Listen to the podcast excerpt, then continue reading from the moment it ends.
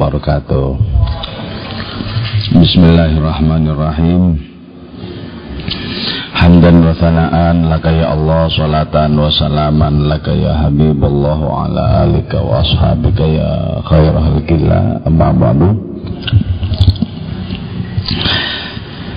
Kita mau mengulas empat bait dari puisi Syekh Muhyiddin Ibnu Arabi di dalam mukaddimah kitab Tarjumanul Aswak atau dendang-dendang kerinduan. Ini selama beberapa perjumpaan mukaddimahnya ini nggak selesai-selesai. Malam hari ini empat bait ini juga belum tentu selesai. Bismillahirrahmanirrahim. Qala al-musannifu rahimahullah ta'ala Wa nafa'ana bi'ulumi wa amadana bi'asrari Wa afadu alaina min barakati wa bikum amin. Laita syi'ri hal darau ayya qalbin malaku. Mudah-mudahan aku bisa merasakan. Laita syi'ri itu artinya Laitani syair tuh Mudah-mudahan aku bisa merasakan. Adakah mereka itu tahu Jenis hati macam apa yang mereka miliki? Nah ini ya. Kita perlu mengulas Secara detail ya. Di dalam proses-proses rohani atau perjalanan rohani itu ada yang disebut sebagai al-manazirul ula indal maqamil a'la. Jadi ada makom-makom ada kedudukan-kedudukan. Pada puncak tertinggi ketika orang menyaksikan segala sesuatu yang tampak itu cuma Allah ya. Saksikan segala-galanya yang tampak itu cuma Allah di situ orang sampai kepada sebuah kedudukan yang disebut dengan al-manazirul ula, pemandangan-pemandangan kelas tinggi. Kelas tinggi. Jadi di situ satu itu adalah banyak, banyak itu adalah satu. Di situ orang menyaksikan Allah itu menghablur kepada seluruh makhluk dan segala makhluk itu didekat mesra oleh Allah Ta'ala Al-Manadhirul Ula Hayful Wal Mauridil Ahla. Di situ ada sebuah terminal rohani yang sangat lezat bagi siapa pun yang sudah mencapainya. Jadi orang dengan kekuatan rohaninya itu bisa sampai kepada kegembiraan yang tidak ada lawannya. Kalau di dunia ini orang mendapatkan sesuatu senang itu ada lawannya, yaitu sedih ketika kehilangan sesuatu itu ada lawannya. Jadi ada model kesenangan yang tidak ada lawannya, yaitu ketika segala-galanya hanya satu adanya, yaitu Allah yang berpendar di mana-mana Allah yang mengejawantah dengan segala keindahannya Allah yang dirasakan tanpa pernah jeda. Coba sampean bisa membayangkan bagaimana orang sampai di makom seperti itu. Orang seperti ini masuk di pasar-pasar Yang kelihatan yang dirasa cuma Allah Orang ini yang masuk ke supermarket-supermarket Yang dirasakan, disaksikan cuma Allah. Orang ini bercanda dengan kawan-kawannya Sejatinya. Yang dirasa, yang disaksikan cuma Allah. Orang ini mengkonsumsi apa saja Makan, minum apa saja Berpakaian, berjalan di malam hari Tiduran, ke mana saja. Yang disaksikan, yang dirasakan cuma Allah Ta'ala. Jadi orang ini sudah bisa menerobos segala jibunan-jibunan makhluk. Diterobosnya itu bukan dengan seperti orang menerobos hutan, bukan. Diterobosnya itu adalah dengan menemukan kemahaan Allah itu hadir pada setiap partikel yang ada di dalam kehidupan ini, di dalam raya ini. Orang seperti ini menemukan Allah pada dirinya, menemukan Allah Ta'ala juga di luar dirinya, menemukan Allah pada segala-galanya. Jadi, fa'aina ma tuwallu fathamma wajhullah. Ke mana pun engkau, engkau ini siapa? Ke mana pun kalian menghadapkan diri kalian, kalian ini siapa? Yaitu orang-orang yang sampai kepada al-manazirul ula pemandangan-pemandangan rohani kelas tinggi ke mana pun kau hadapkan dirimu maka di sanalah kau temukan wajah Allah jadi ternyata ya perjumpaan dengan Allah itu tidak membutuhkan ruang yang lain atau waktu yang lain. Tapi di sini dan kini. Kalau begitu berarti terletak di mana perjumpaan itu? Di ketajaman batin dan rasa setiap orang. Di ketajaman batin dan rasa setiap orang. Nah di situ tata asyaku bihal qulub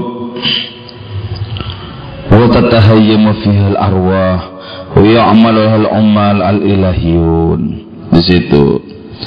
Hati-hati.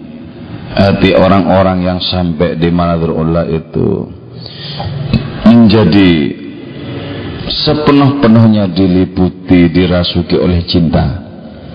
Cinta jadi yang ada di dalam diri orang yang sudah masuk di Allah itu yang ada di dalam hati mereka itu cinta semata-mata cinta apa? cinta ilahiyat cinta ilahiyat itu ketika dipakai untuk menyapa makhluk dimakai untuk berkomunikasi dengan makhluk di situ ya.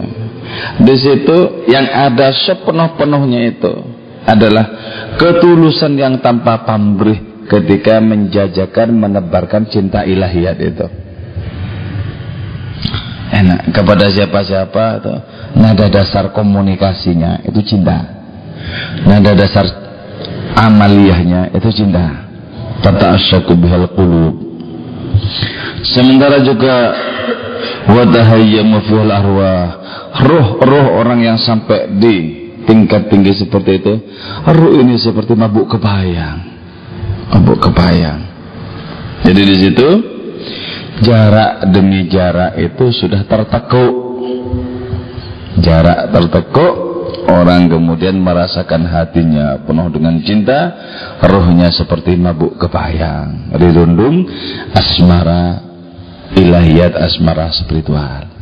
Jadi kalau kita jatuh cinta kepada lawan jenis itu itu bisa dijadikan pengantar saja. Ya Allah sesungguhnya bukan yang seperti ini yang aku dambakan.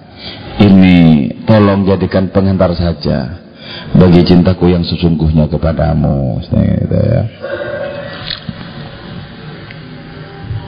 Nah cinta yang di sini ini juga tidak ada lawannya. Artinya apa? Kalau tidak kalau tidak diterima, kalau ditolak nggak sakit. Eh, sebab kalau kalau yang cinta diterima itu senang, ditolak sakit. Itu cinta yang ada lawannya itu fana masih. Fana, bersifat sementara musnah sebagai musnah mana musnahnya dunia ini gelap tapi kalau cinta yang tidak ada lawannya itu cinta ilahiyat murni gitu cinta ilahiyat murni jadi masuk kepada wilayah tanpa pamrih sebagaimana yang dipraktekkan oleh Allah sebagaimana juga yang dipraktekkan oleh Nabi kita Muhammad sallallahu alaihi wasallam. Wa ya'malu lahal umal al ilahiyun juga orang-orang rebani para bekerja. Ilahiyatnya orang yang orang yang tindakannya itu murni diiringi oleh nafas keilahian. Itu mereka lakukan ketika mereka berada di al-manazirul ula itu tadi. Jadi heldarau apakah pemandangan makom-makom yang tinggi seperti itu? Apakah bisa mengetahui. Jadi fa'ilnya darau di sini tidak menunjuk kepada mereka manusia enggak. Abamir ya'udu alal manafur Domir dalam kata-kata daro, daro itu kan mengerti mereka atau tahu mereka. Mereka ini siapa sesungguhnya?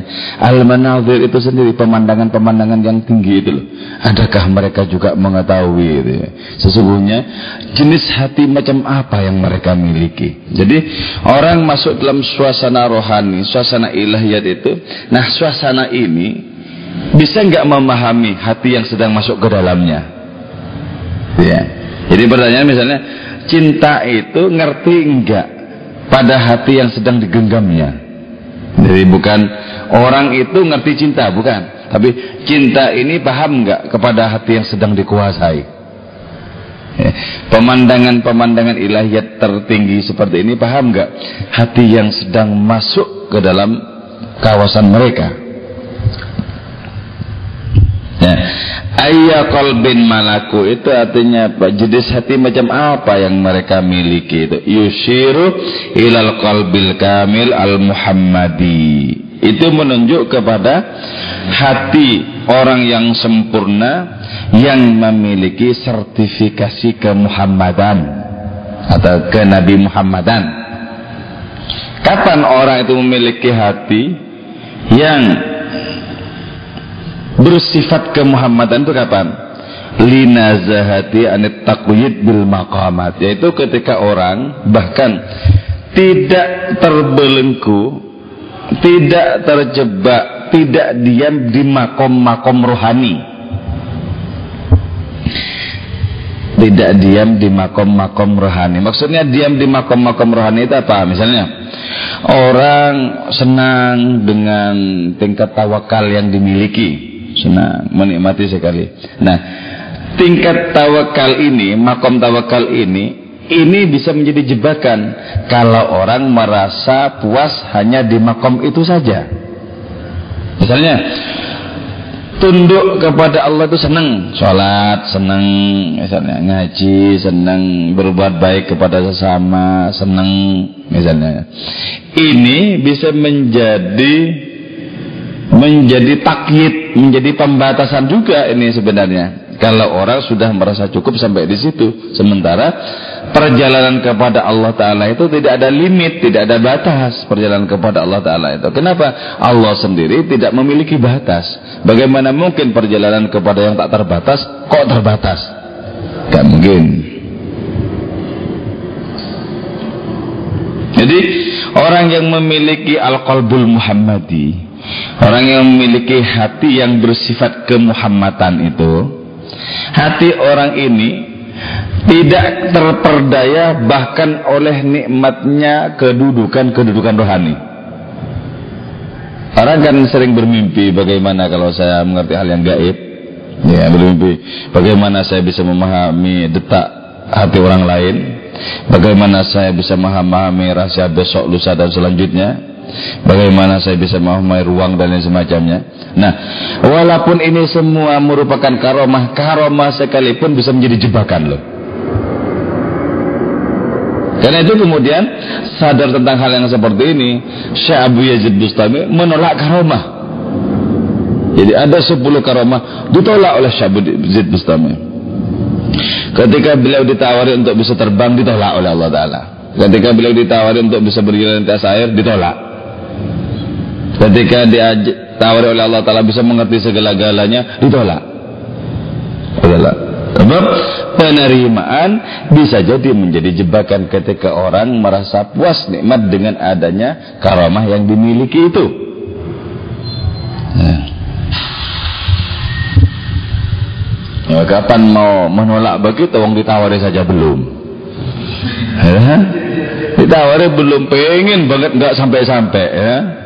Banyak orang bermimpi sebagaimana yang dimiliki oleh karma dimiliki oleh Syekh Abu Yazid Bustami, oleh Syekh Abdul Hasan Syadili kan pengen begitu. Syekh Abdul Hasan Syadili kalau kencing kena batu, kencingnya kena batu jadi emas batunya. Banyak orang yang bisa berharap bisa begitu ya untuk menimbun kekayaan. Dalam pikirannya sudah muncul nanti untuk membangun panti asuhan macam-macam macam-macam. Sudah muncul seperti itu, seperti itu. Jadi diam-diam sering kali penghambaan kita itu diam-diam mengintip apa yang mau kita terima dari Allah Ta'ala. Diam-diam. Itu bagian dari ketidaktulusan sebenarnya.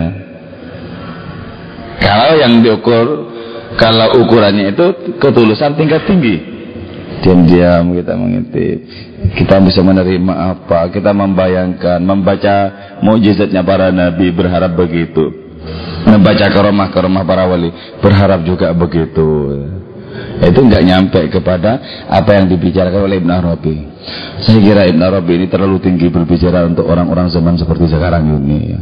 ketika orang sudah tidak tertarik dengan begitu-begitu itu. Jadi kan yang dangkal-dangkal aja kan senang tak ngalah kalian tunduk patuh masuk surga. Itu yang cocok. Kalau kayak gini kurang cocok mungkin ya. Kalau seperti ini kurang begitu cocok. Eh, eh, eh. wa ma hadha faqad malakat uhadhil manazirul ula jadi walaupun orang yang memiliki al-qalbul muhammadi walaupun orang memiliki hati yang sifatnya itu sifat kemuhammadan yaitu terbebas dari segala jebakan apa pun yang selain Allah. Termasuk terbebas dari jebakan karunia rohani dari Allah seperti mukjizat dan karamah.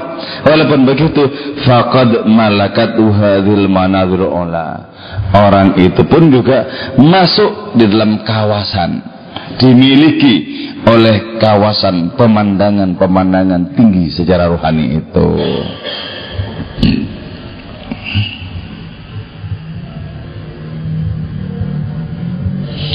وكيف لا تملك وهي مطلوبة؟ ويستحيل عليها علم بذلك لأنها راجعة إلى ذاته.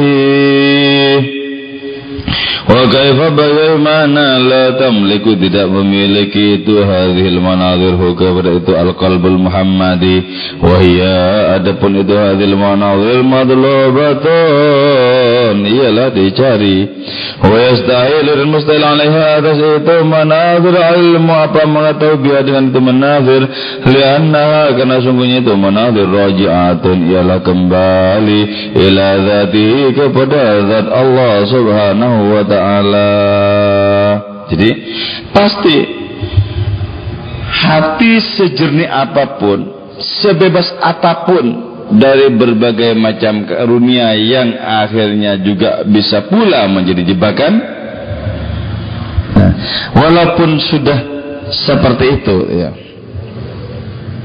Walaupun sudah seperti itu, itu hati sudah terbebas dari segala-galanya tapi tak mungkin bisa terbebas dari al-manazirul ula pemandangan-pemandangan rohani yang tinggi itu tidak mungkin terbebaskan. Kenapa? karena al-manazir itu langsung menyatu terhubung dengan zat Allah Ta'ala. Di mana segala sesuatu diliputi oleh adanya zat Allah Ta'ala itu sendiri. Illa yashadu minha illa ma huwa alaihi fafihi yatanazzaw wa iyyahu yuhibbu wa yashiku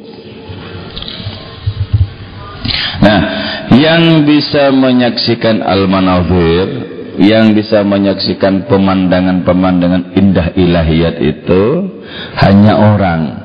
Yang hatinya cuma tersublimasi dengan zat Allah Ta'ala tak tergiur oleh karunia-karunianya baik karunia-karunia materi maupun bahkan karunia-karunia rohani. Maka kemudian kita tahu ya gagahnya hati kanjeng Nabi إذ وراودته الجبال الشم من ذهب عن نفسه فراها أيما شمم وأكدت زوده فيها ضرورته إن الضرورة لا تعدو على العصام صلى الله عليه Nabi itu ditawari oleh Allah Ta'ala gunung-gunung berubah jadi emas. Ditawari oleh Allah agar menjadi milik Nabi ditolak sama Nabi enggak ya Allah itu enggak kenapa keterpautan dengan zat Allah itu akan pasti menuntun seorang untuk menampik yang lain. Kak. Ya, itu ya. Itu berarti hati yang gagah.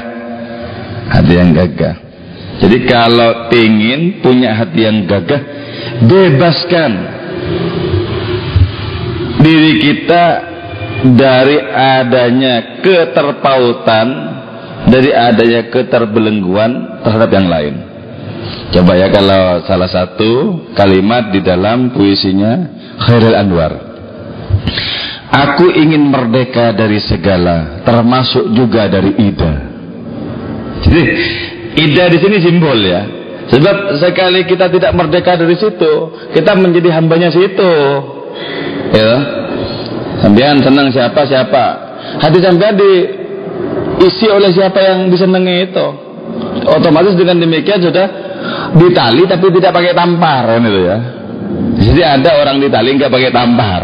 Apa talinya? Ya hatinya yang mengangen-angen orang yang disenangi itu talinya. Jadi kalau orang sudah senang kepada sesuatu, nanti yang disenangi itu ngajak apa saja, orang ini seperti dicucuk hidungnya, nurut pasti itu. Kenapa senang? Nah.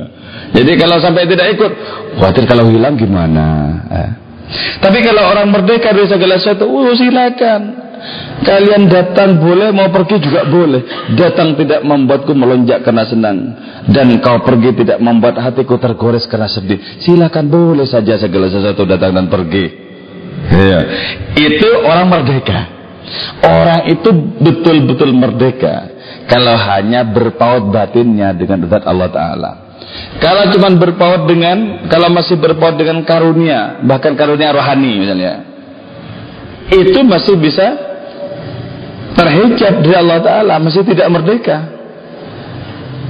masih tidak merdeka misalnya saya punya kemampuan saya sekarang ngisi pengajian di sini ini tak bikin jauh jaraknya sehingga bisa didengar oleh orang-orang di Jawa Timur dan di Jawa Barat misalnya padahal di sini sekali saja saya senang dan merasa nikmat memiliki hal ini ini pun juga berubah menjadi hijab di hadapan Allah Ta'ala Nah, yang rohani-rohani seperti ini hijab, apalagi yang materi-materi. Ya. Uh, apa apa cocok untuk zaman seperti sekarang ini bisa diterapkan? Eh? Ketika orang tak terlepas hatinya dari benda-benda, dari bentuk-bentuk, dari rupa-rupa, gimana coba kan? Ya, ini saya cuma menyampaikan apa yang semestinya disampaikan. Setelah itu tugasnya Allah Ta'ala untuk bisa memberikan pengaruh dan lain semacamnya.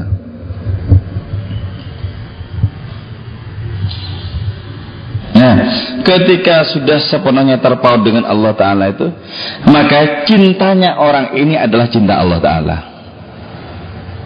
Cintanya orang ini adalah cinta Allah Ta'ala. Orang ini ya, menjadi wakil dari kehadiran Allah Ta'ala di dalam kehidupan. Orang ini dipakai oleh Allah Ta'ala untuk memandang segala sesuatu, untuk mengerjakan segala sesuatu. Bebas dia dari keterbatasannya dan wujud dia sebagai pengejawantahan atau kehadiran Allah Subhanahu wa taala. Eh, ayo kalau mau ada yang ada yang bingung Apa ada yang bisa membayangkan memasuki rasa-rasa rohani yang seperti itu? Kalau mahasiswa-mahasiswa tidak dikirim orang tuanya berani enggak? Untuk sepenuh-penuhnya membuktikan, ya Allah tawakalku kepadamu, membuatku bersandar kepadamu bukan kepada wasilah-wasilah atau perantara-perantara pemberian orang tua. Berani enggak? Seperti apa coba tingkatnya? Jangan-jangan kita ini kalah terhadap tawakalnya burung-burung. Ya. Ayo silakan. Ayo. Kalau kalian nggak tanya saya khawatir jangan-jangan nggak dipahami kata-kata saya dari tadi.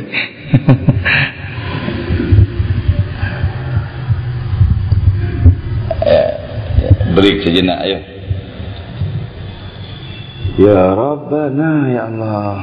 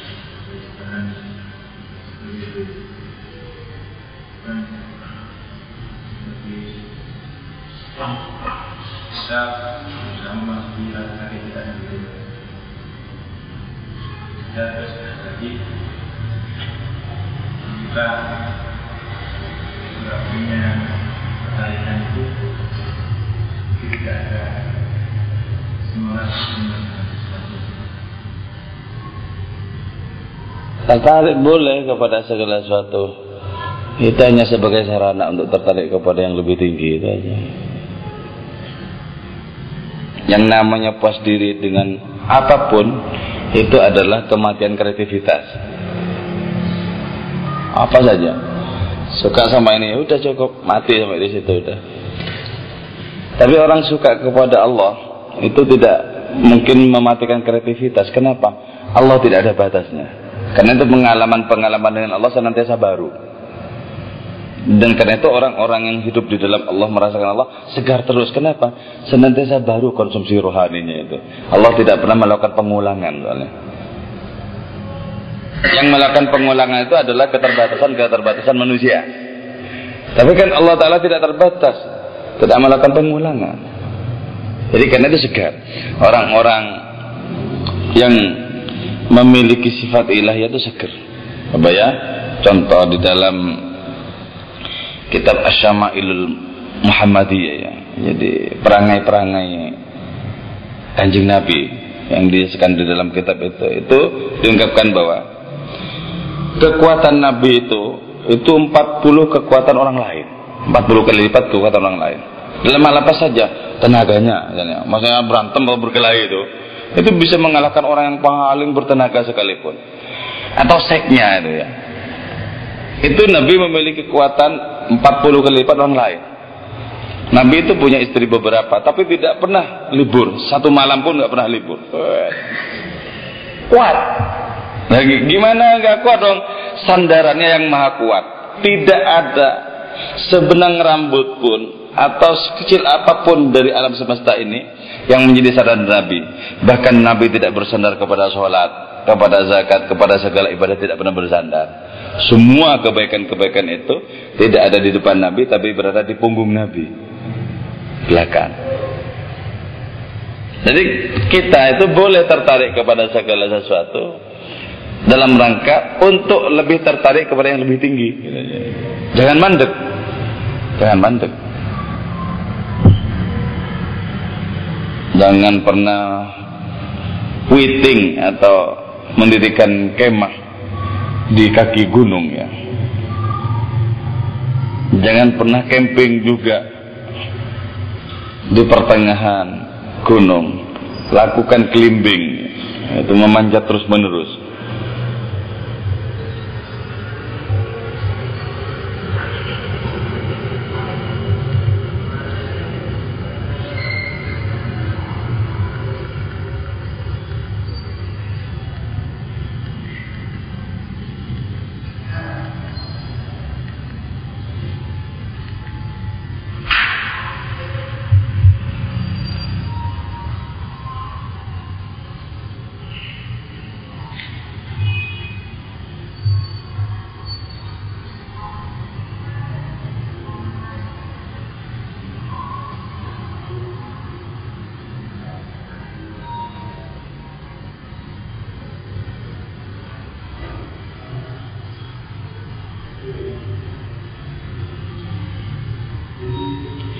Terus Wa fuadi law dara ayya syi'bin salaku wa fuadi dan hatiku law dara andaikan mengetahui itu fuadi ayya syi'bin. Kepada lorong jenis apa salaku menempuh itu mereka. Syi'bun at-tariq ilal qalbi Syibun itu jalan. Jalan apa? Jalan yang menuju kepada hati. Bagaimana maksudnya jalan menuju kepada hati itu? Proses untuk bisa merasakan berhadap-hadapan dengan Allah. Coba ya sekarang. Ya, ya latih sekarang. Ya pakai metode meditasi. Coba fokuskan di sini. Ya, ayo, ayo. Biar tidak dibawa ke mana-mana oleh bayang-bayang pikirannya sendiri. Fokuskan sini. Sekarang tarik nafas. Lepas. Tarik nafas. Keluarkan dari mulut. Lepas. Tarik nafas. Keluarkan dari mulut. Lepas. Ikuti instruksi-instruksi saya. Bayangkan bahwa alam semesta ini adalah gumpalan kehampaan. Bayangkan alam semesta ini adalah gumpalan kehampaan. Suara-suara itu hampa. Segala yang terbayang segala-galanya adalah hampa. Bayangkan kemahaan Allah Subhanahu wa taala itu betul-betul nyata dan hati kita merasakan berhadap-hadapan dengan kemahaan Allah dengan kemahebatan Allah dengan kemahakuasaan Allah. Hati kita berhadap-hadapan dengan kemahaan Allah. Hanya kemahaan Allah yang bisa menguasai segala-galanya. Hanya kemahaan Allah yang menjadi tempat bersandar kita Bayangkan hati kita itu sedang berhadap-hadapan dengan Allah Ta'ala. Rasakan. Sesungguhnya yang kita hadapi setiap saat itu cuma Allah Ta'ala. Yang kita hadapi itu cuma Allah Ta'ala. Hanya Allah yang penting di dalam hidup ini. Dan karena itu kita fokuskan untuk merasakan Allah maha dekat dengan diri kita. Dekat sekali dengan diri kita. Uh, Bapak rasakan terus. Rasakan kemahadekatan Allah taala itu. Rasakan kemahadekatan Allah taala itu. Nah cukup ya. Nah kalau tadi sejenak itu bisa merasakan itu berarti kita menempuh jalan dari kesadaran indrawi menuju kolbu menuju hati yang disebut dengan ayusik bin jalan apa? Ya. Jalan dari realitas ini menuju hati. Hati itu amaliyahnya adalah merasakan berdekat-dekatan dengan Allah Ta'ala. Kalau orang nggak bisa merasa dekat dengan Allah Ta'ala berarti hatinya direbut oleh yang lain ini sudah. Sudah kerebut oleh begal-begal dalam kehidupan ini. Itu namanya apa? Segala hiburan yang lain tuh sudah begal merebut berarti kan. Padahal dicurahkan perhatiannya ke sini ke sini ke sini hingga seolah-olah Allah itu tidak memiliki peluang untuk dirasakan dekat. Karena sudah tercabik ditarik-tarik ke mana-mana. Karena itu ya, apa yang disebut dengan khusyuk, ya itu konsentrasi sebenarnya, konsentrasi, konsentrasi. Jadi kontemplasi itu cara untuk bisa masuk menuju kepada amalia hati merasakan dekat tadi. Eh. karena itu renungan di dalam Islam itu sangat penting kedudukannya renungan itu. Sangat penting kedudukannya. Sehingga dihadiskan oleh Nabi bahwa merenung satu saat saja merenung keilahian itu, merasakan keilahian. Itu lebih utama dibandingkan dengan ibadah 70 tahun tanpa renungan. Jadi kalau orang sudah nyantol gini hatinya dengan Allah Ta'ala ya, kok ngomong ini pura-pura saya ngomong ini, pura-pura hatiku udah udah kepegang di sana, sudah, udah direbut oleh Allah. Eh. Saya mau banyulan mau ngucap macam-macam macam pura-pura itu. Ini sudah kepegang terus Allah taala. Itu kalau hati sudah sepenuh-penuhnya hidup dan merasakan tentang kemahadekatan itu terpukau kepada Allah taala.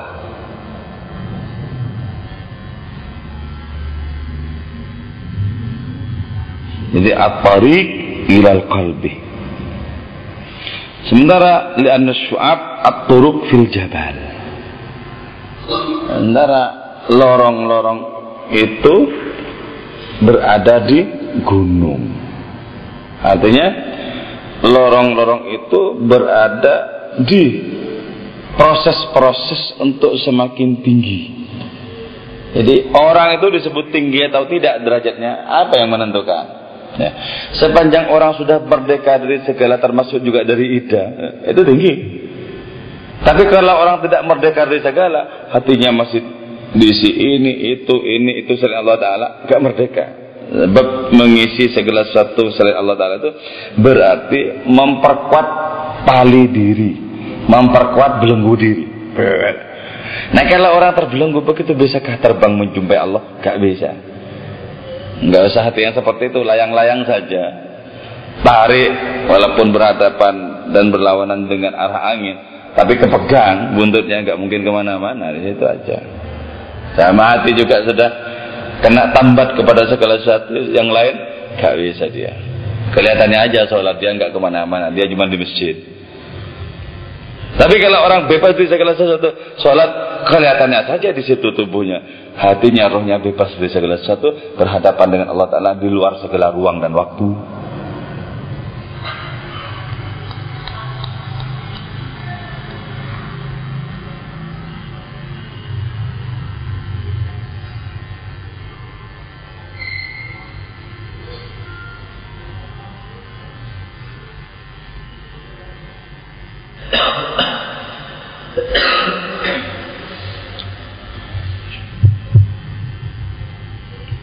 Ada yang istilah-istilah yang kurang paham?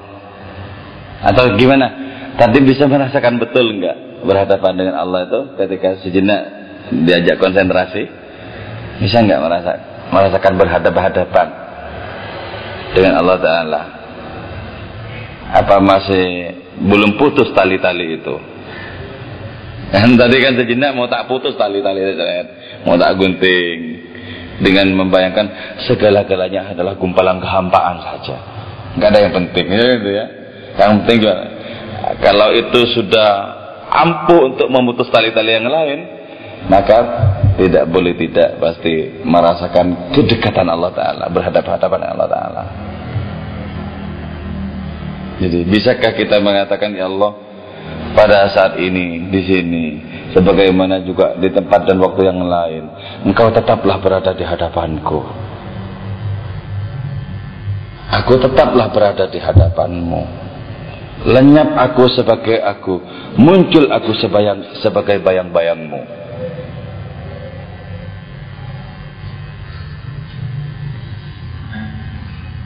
Ya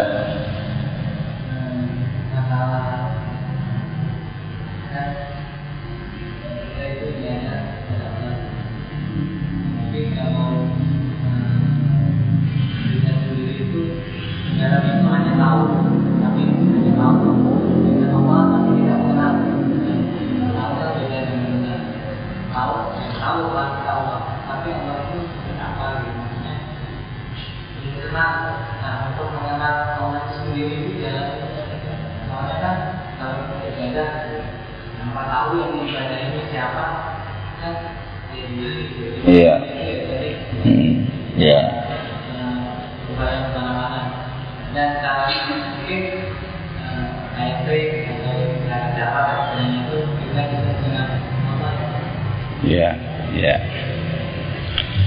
Segala tindakan Allah yang hasilnya sudah kita saksikan di dunia ini, ya, itu sesungguhnya cara Allah memperkenalkan diri.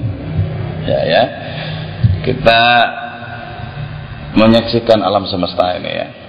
Allah itu ingin mengatakan, aku ini si pencipta, tak ada pencipta selainku. Jadi kita kemudian merenungi untuk lebih dalam mengenal Allah. Oh, Allah itu pencipta satu-satunya. Kemudian manusia belajar kepada Allah Ta'ala dengan mengasah kreativitas. Jadi diam-diam sesungguhnya manusia itu belajar kepada Allah Ta'ala.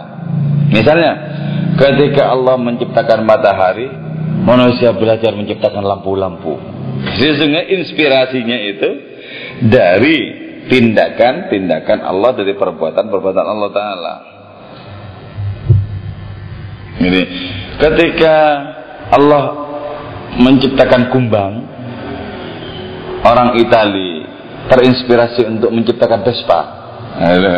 Jadi belajarnya kepada Allah Taala, kepada Allah Taala. Ketika Allah Taala menciptakan bintang, orang-orang kemudian menciptakan gambaran tentang bintang itu sendiri. Lima, lima sekinya dan lain semacamnya.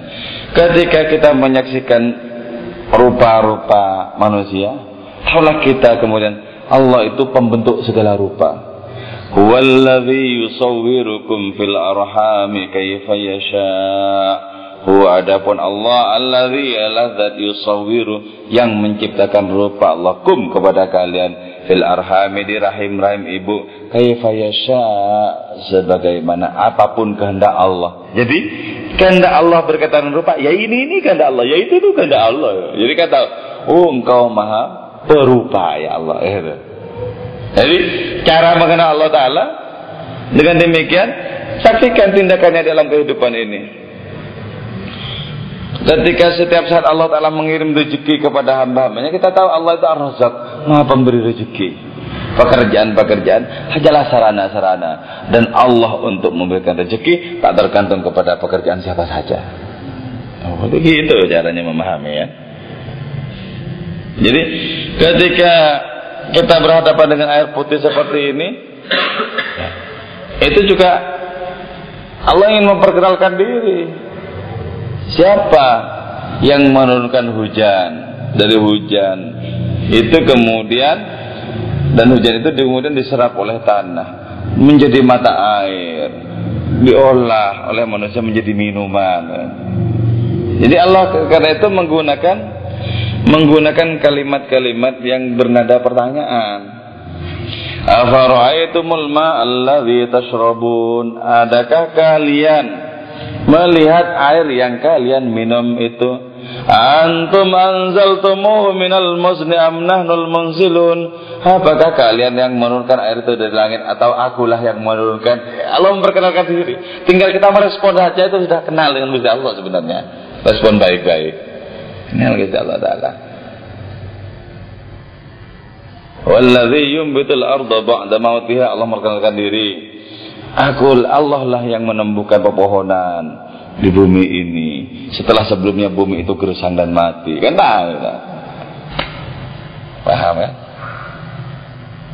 Nah itu cara saya kenal Allah. Jadi renungi saja. Semua tindakannya itu adalah cara Allah memperkenalkan diri. Ini loh aku kayak gini kayak gini. Cuman dengan dengan bahasa tindakan. Nah selain dengan bahasa tindakan juga sering dipertegas juga dengan bahasa kata-kata dalam Al-Quran. Ah, nanti ah. Termasuk juga kita paham ketika merenung sholat. Ya Allah sesungguhnya sholat ini adalah oleh-oleh darimu ketika kekasihmu datang berkunjung kepadamu. Itu mi'raj. Ya. Nabi bertamu oleh-olehnya sholat. Terus, ya Allah sungguhnya yang memberikan kekuatan kepadaku untuk sholat ini adalah engkau. Sesungguhnya ketika kurasakan nikmat dalam sholat ini adalah karuniamu. Maka bebas lenyap diriku dari sholat. Engkaulah sepenuh-penuhnya yang sholat secara hakikat. Kenal loh. Jadi fasilitasnya itu banyak tapi sayang sekali sering kali tidak kepakai untuk membaca oleh manusia. Ketika kita berkumpul di sini siapa yang melangkahkan diri kita ke sini? Yang menciptakan kehendak dalam diri kita kan nggak ada selain Allah Taala. Wa ma tasyauna illa ayyasha Allah. Eh. Kalian nggak bisa berkehendak kecuali sesuai dengan kehendaknya Allah. Jadi segala-galanya sebab Allah kalau kita masuk dalam wilayah renungan itu sebenarnya. Jadi bahan-bahannya banyak tinggal kita kelola kita pakai untuk lebih kenal lagi sebenarnya. Oke? Okay? Gampang kok. Tinggal praktekkan ya. Kalau kita sering kali lupa kok. Sering kali lupa. Mandi saja di kamar mandi lupa atau kalau airnya airnya Allah. Kalau juga sehat kita bisa menerima air seperti itu juga dari Allah Taala. Coba kalau kita tidak sehat kan, minta air panas, air hangat semacamnya, itu pun masih terkendala. Jadi ketika kita jebar-jebur, jebar-jebur Gusti Allah sebenarnya tadi. Cuman sering kali gini loh, ibarat sinyal HP itu sinyalnya tinggal satu habis satu habis itu. Ada yang habis terus selamanya. Jadi dengan dengan demikian Allah memperkenalkan diri itu enggak enggak ada responnya. Enggak ada responnya. Karena itu perkara Allah memperkenalkan diri lebih dari cukup. Dan karena itu tidak perlu diragukan. Tapi masalah dari kita merespon itu yang semestinya kita ragukan. Ada responnya atau tidak. Ya. Sinyalnya itu yang enggak ada. Sehingga tidak bisa komunikasi dengan Allah sinyalnya tidak ada. Nah, kalau HP itu tidak ada sinyalnya, fungsinya tinggal satu, itu jam berapa?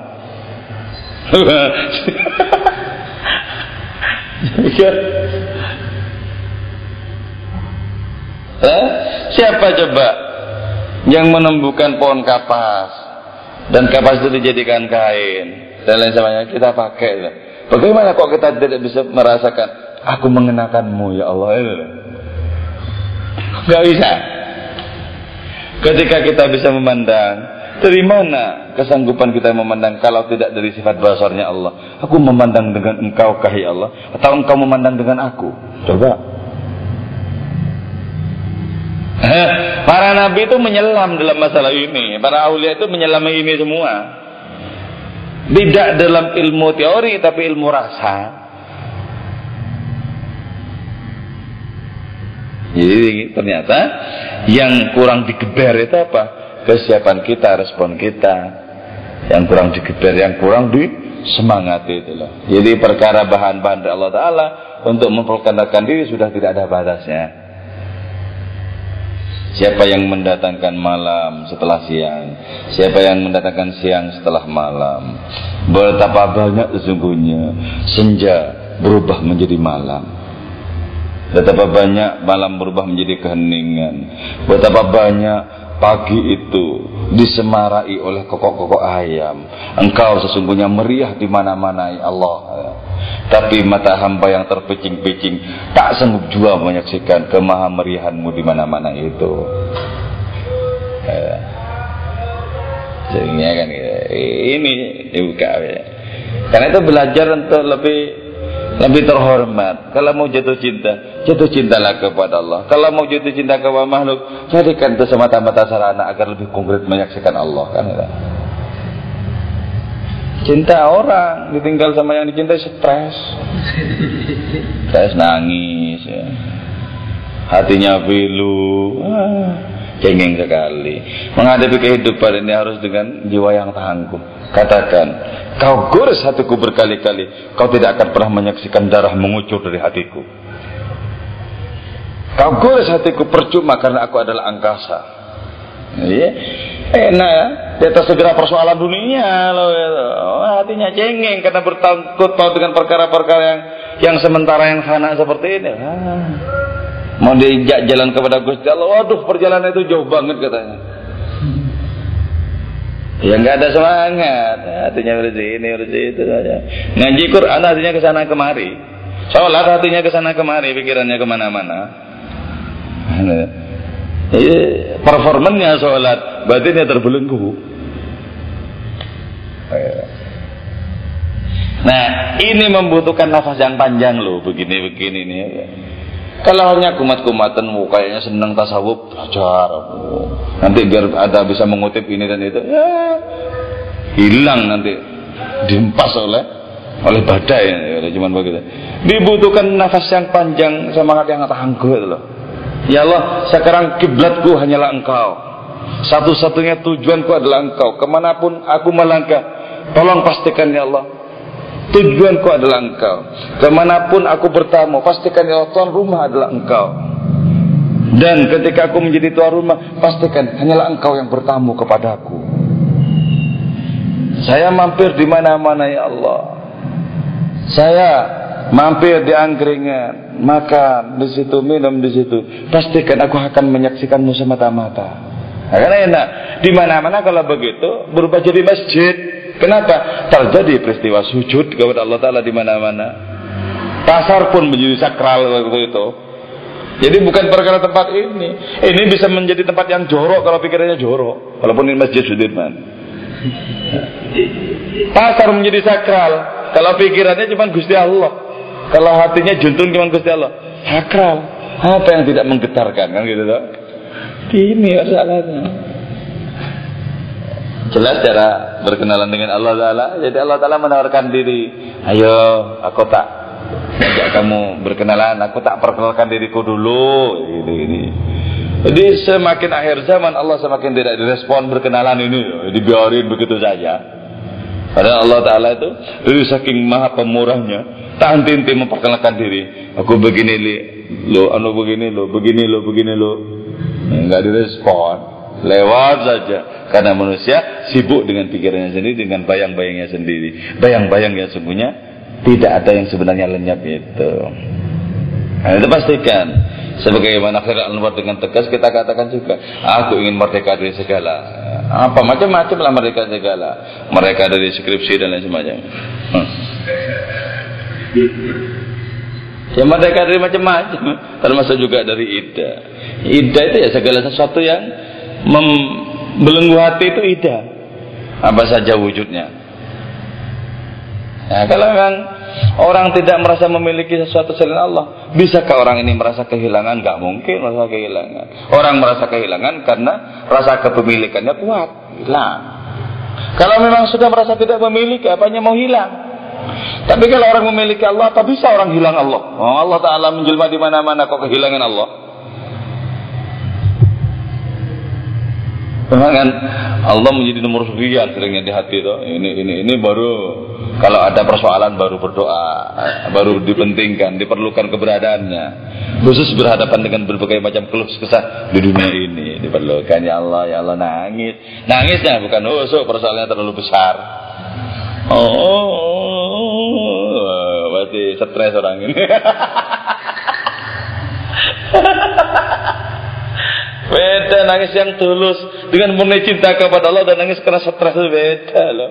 Beda. Orang-orangnya Allah tidak ada yang cengeng di dunia ini. Dia akan bisa tertawa di atas segala runcing persoalan itu orang-orangnya Allah Taala. Tapi ketika mempraktekkan Cumbu rayu rohani dengan Allah Ta'ala. Gampang orang ini seperti kanak-kanak gampang menangis. Ya. Karena itu di hadapan Allah Jadilah seperti kanak-kanak yang mudah menangis. Tapi di hadapan persoalan dunia Jadilah orang yang tertawa terbahak-bahak Di atas segala-galanya. Cuman sekecil begini persoalan Sekecil begini. Gitu. Ya gitu. Orang-orang yang Allah Ta'ala gagah semua ya. Enggak ada tapi orang-orang yang dibelenggu oleh segala sesuatu yang lain akan menjadi sangat rapuh, serapuh-rapuhnya. Apa seperti anak-anak dikasih mainannya ini nak, kamu senang ambil dulu ya, nangis. ambil dulu nak. Ya.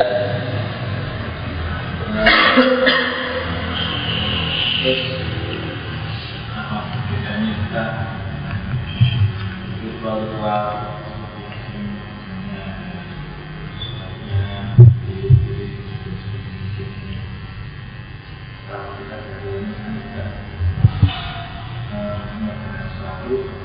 selain selain bahwa kadang-kadang merasa rasa diberikan itu kita itu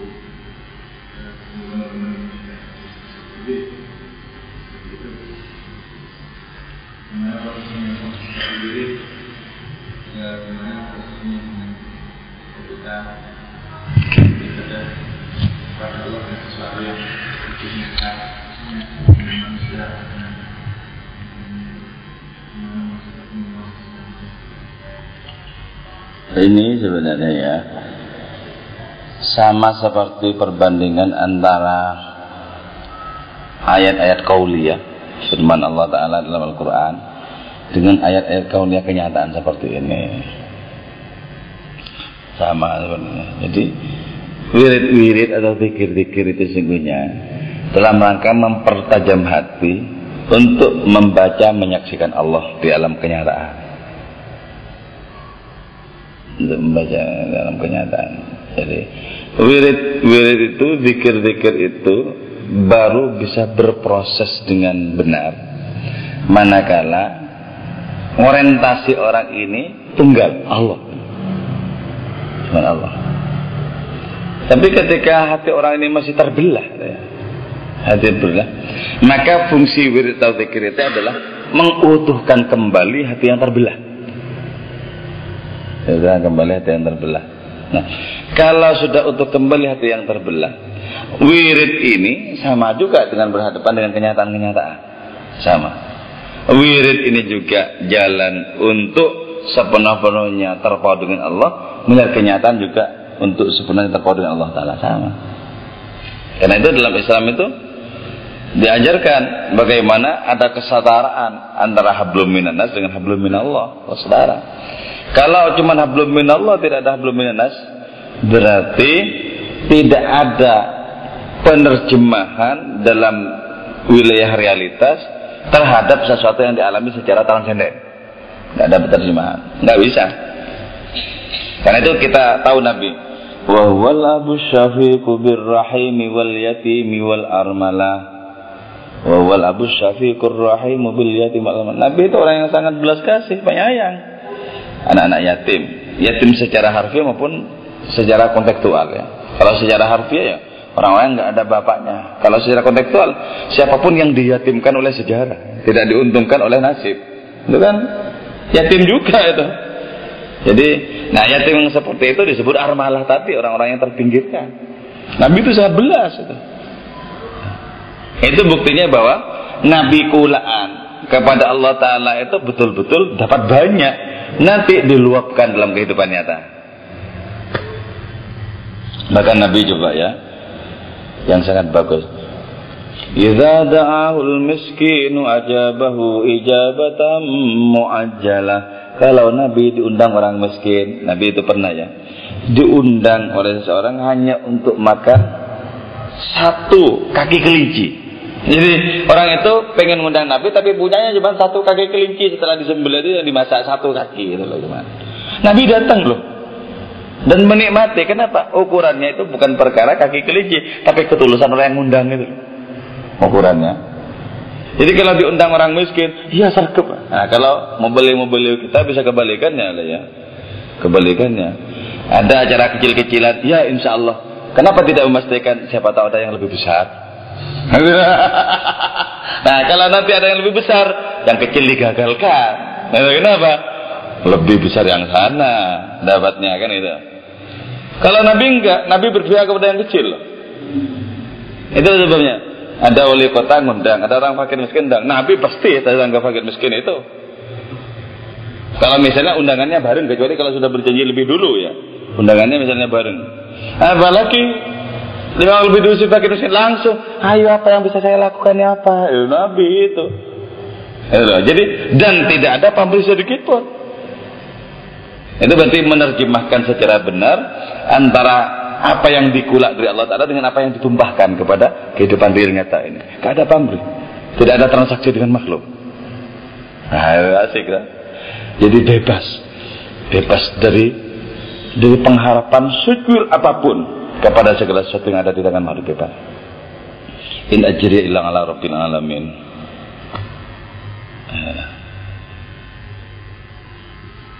Itulah sebabnya kenapa coba ya? Kan dulu Indonesia ini Jawa ini cuma diislamkan oleh sembilan orang. Ada di situ nubuah, ada profetik ya, ada kenabian. Sekarang, wah, seantero penceramah semua. Ya. Tapi juga tidak bisa memperbaiki moral bangsa. Kenapa? Ya profesi kok itu perkara profesi. Ceramah itu sering kali jadi profesi. Artinya sama lah dengan kerja dagang jadi dosen dan semacamnya sama. Okay. Coba sini ada profetiknya ya. Ini ada profetiknya. Kan bebas, bebas dari bayang-bayang makhluk. Ya.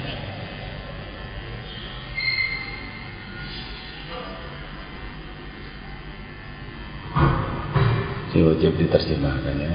Buktinya lagi. Nabi itu hebat ya. Ketika Nabi itu duduk-duduk begini sama fakir miskin ya Gak pernah Nabi angkat kaki duluan loh. Kapan? Misalnya, saya masih ada acara nggak pernah. Sampai semuanya sudah selesai, baru selainnya sudah selesai mereka bubar baru Nabi terakhir. Hebat Nabi ya. Karena itu kemudian Abu Bakar yang sering ngawasi begitu. Abu Bakar bilang, mari apa yang masih belum, yang biar diselesaikan oleh Nabi ini. Kalau memang sudah selesai, Nabi mungkin mau mengerjakan sesuatu yang lain, eh, baru. Ya itu Abu Bakar yang mengingatkan begitu. Sebab siapa tahu cuma diam saja itu nggak ada perlunya. Hari. Jadi sejak turunnya ayat Abasa wa Tawalla, Nabi tidak pernah meninggalkan majlis terlebih dahulu ketika berhadapan dengan para fukara, orang-orang yang terpinggiran, tidak pernah. Jadi, Nabi betul-betul menjadi pelipur bagi orang-orang yang terluka yang ada di sekitarnya itu. Orang-orang yang nasibnya pedih di sekitar. Nabi betul-betul pelipur. Kenapa sampai begitu Nabi tidak punya pengharapan apa pun kepada mereka. Karena itu kalau ukurannya Syekh Muhyiddin Arabi ya dalam kitab Futuhat itu akan bermasalah secara rohani. Misalnya saya berceramah, saya masih mengharapkan apa saja dari orang yang saya ceramai. Bermasalah itu. Termasuk mengharapkan dan disebut Gus atau Kiai atau oh, pokoknya apa masalah itu. Jadi sebab orang yang gitu kan harus melampaui itu loh harus melam melampaui itu tidak merasa tinggi bukan itu bukan tapi tidak ada pengharapan-pengharapan kepada makhluk itu nggak ada pengharapan-pengharapan kepada makhluk itu nggak ada misalnya karena saya punya santri polisi maka tak manfaatkan saja ketika saya ditangkap tak telepon saja polisi itu kan sama saja toh jadi saya dicegat sana telepon eh ini loh aku dicegat koncomo gitu ya itu juga nggak boleh. Kan sama saja deh. Berarti saya ngajari orang lain semata-mata agar bisa saya manfaatkan. Apa pun kedudukannya. Sama saja. Ya kalau ukurannya fikih ya nggak masalah, nggak haram, nggak mencuri, nggak membunuh tuh gitu. Tapi dalam tasawuf masalah ya loh. Masalah. Kalau misalnya hanya karena jadi penceramah kok ada di antara orang yang saya ceramai tidak begitu hormat, hati saya luka karena itu, seberapa pun lukanya, Jelas karena itu saya yang sakit. Eh, jadi harus kita periksa kita punya judul Abidin Imam Ghazali mana detail-detail penyakit hati itu. Wah, bahaya. Bahaya. Ya, jadi karena itu ya. Sekarang itu lebih ilmu yang kurang adalah expression of religion itu, pengalaman rohani itu yang kurang. Kurang. Bahkan gini, Orang kalau membicarakan pengalaman rohaninya, tanda-tandanya orang ini tidak jujur mengabdi kepada Allah. Misalnya, aku ini, ini, ini, ini, eh, nggak jujur itu. Berarti apa? Dia mengatakan seperti itu, mengajak orang lain untuk mengagumi dirinya. Sama saja.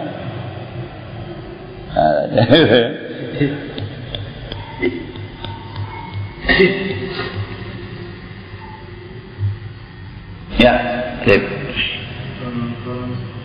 dalam rasa cinta kita membutuhkan rasa memiliki dan kemudian rasa memiliki itu dia membutuhkan rasa yang uh, ingin mempertahankan apa yang dimiliki dari dia ini dilepas. Lalu apakah kita boleh merasa untuk memiliki Allah atau sebenarnya Allah yang memiliki kita? Ya. Kemudian ada kata-kata dan perkataan yang membuatku membuat saya gelisah kalau misalnya Allah itu ada di mana-mana dan Allah itu ada di, di setiap manusia, kenapa manusia saling berebut? Kenapa manusia saling berperang? Kenapa manusia saling membunuh? Ya, sip. Orang yang saling berebut, berebut apa? Tidak saja peperangan-peperangan itu ya, posisi, misalnya ya. Ya sih, misalnya saya biasa main pindah di sini, misalnya ya Terus satu saat yang lain ada orang lain mimpin bukan saya. Kok enggak tahu?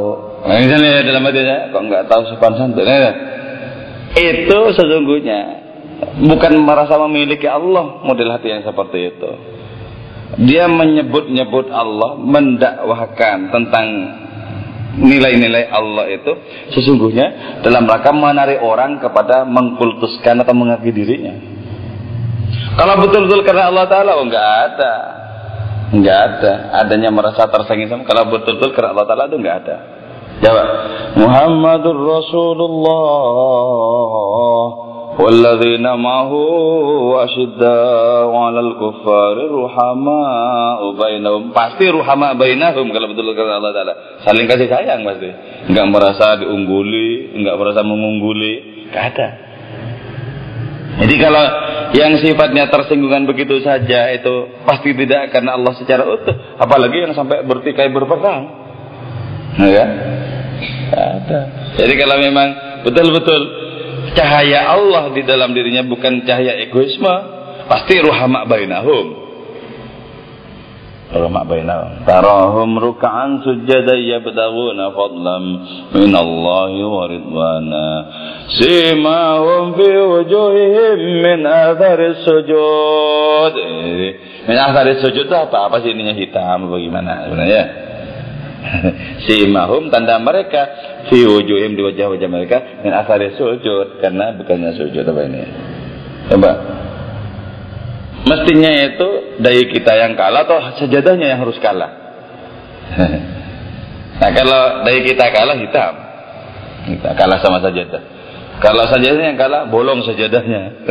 Mana yang lebih bagus? Orang-orang terdahulu sajadahnya yang bolong. Kalau sekarang begitu rapuhnya dari itu sehingga gampang kalah terhadap sejadah.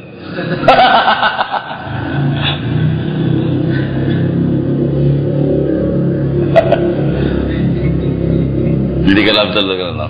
Terus apa bisa kita merasa memiliki Allah? Justru itulah yang semestinya.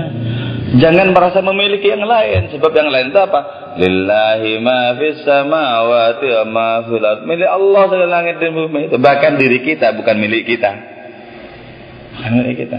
Kalau diri saja yang terdekat dengan diri kita bukan milik kita, apalagi misalnya suami, istri, orang tua, anak, jelas bukan milik kita. Oh, diri saja bukan. Nah, diri saja bukan.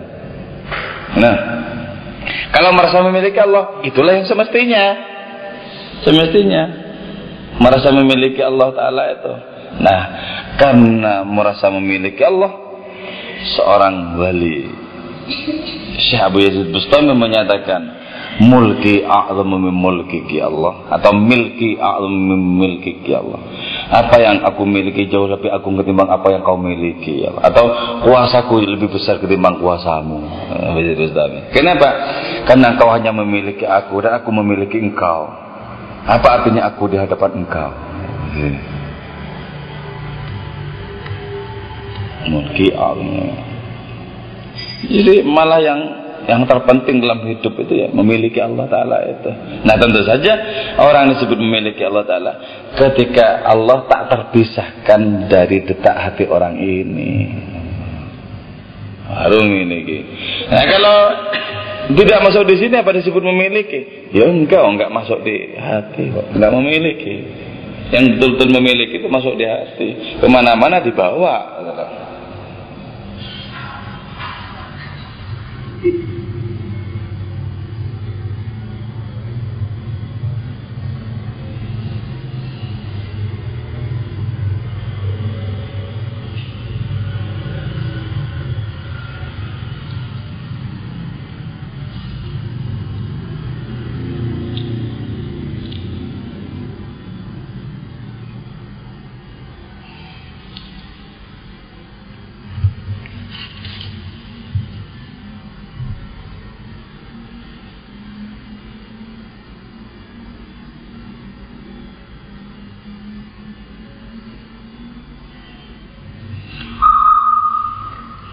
Fakaan Hah? ada nggak? Hmm? nggak apa-apa gimana?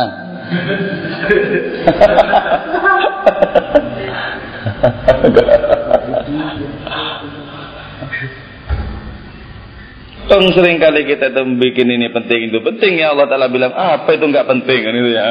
Heran manusia itu bilang ini penting ini perlu. Tanyakan Gusti Allah juga ini penting nggak Gusti Allah? Kan gitu kita kan dikasih tahu nanti dengan ketercerahan hati kita. Iya itu kau kerjakan. Ini jangan. Ya. Jadi tidak semua yang kita anggap penting itu penting juga menurut Allah Taala.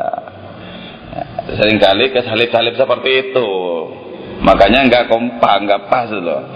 Kalau kita betul-betul mengerjakan yang penting menurut Allah Taala, oh, pasti cepat kita naik, cepat. Ya, sering terjadi itu. Kita katakan ini emas, ini berlian berharga. Allah bilang, lah itu kan cuman busa. Itu kan cuman kapuk.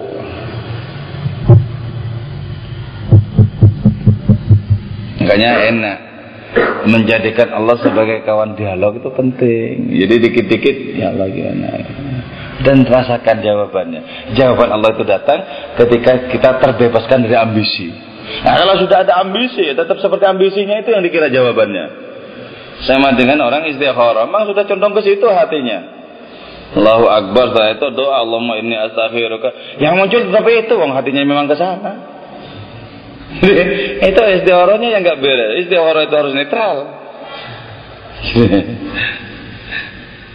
Sama dengan paradigma tertentu yang dipaksakan. Sama dengan orang pakai kacamata hitam atau kacamata kuning, semuanya kuning pasti.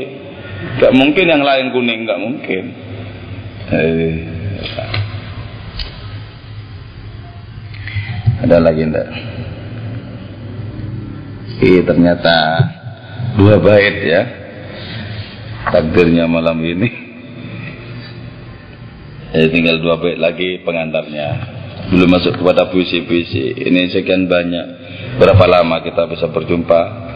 Milikilah nafas yang panjang. Ya, yang panjang. Hanya orang yang memiliki nafas panjang yang memiliki kemungkinan untuk sampai kepada hadirat Tuhan. Karena itu dalam kitab Mantiqut itu ada ribuan burung yang diajak untuk menjumpai raja burung. Ribuan burung itu ternyata yang sampai menghadap raja burung cuma 30 burung. Selebihnya terkapar di perairan, di sungai-sungai. Terbakar oleh terik matahari di gunung-gunung. Jadi kenapa? Hanya mengintip sejenak udah kabur, mengintip sejenak itu ibaratnya yang di, diajak berjalan saja. Bebek itu diajak berjalan. Mari kita kata burung hudud itu. Mari kita menjumpai raja segala burung. Bebek itu bilang, tempatku di sini di sungai ini dan aku sudah cukup puas dengan buluku-buluku ini. Aku tidak perlu datang ke sana. Lagi pula itu terlalu jauh. Itu ibaratnya orang-orang diajak untuk mendekat kepada Allah Taala itu abot. Alasannya banyak sekali. Masa dari ribuan cuma 30? Dalam kitab The Conference of the Bird. Konferensi burung-burung.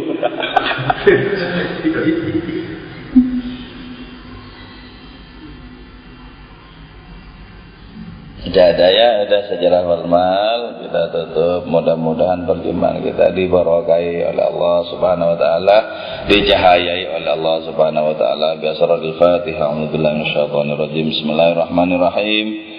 الحمد لله رب العالمين الرحمن الرحيم مالك يوم الدين إياك نعبد وإياك نستعين اهدنا الصراط المستقيم صراط الذين أنعمت عليهم غير المغضوب عليهم ولا الضالين آمين آمين آمين آمين الحمد لله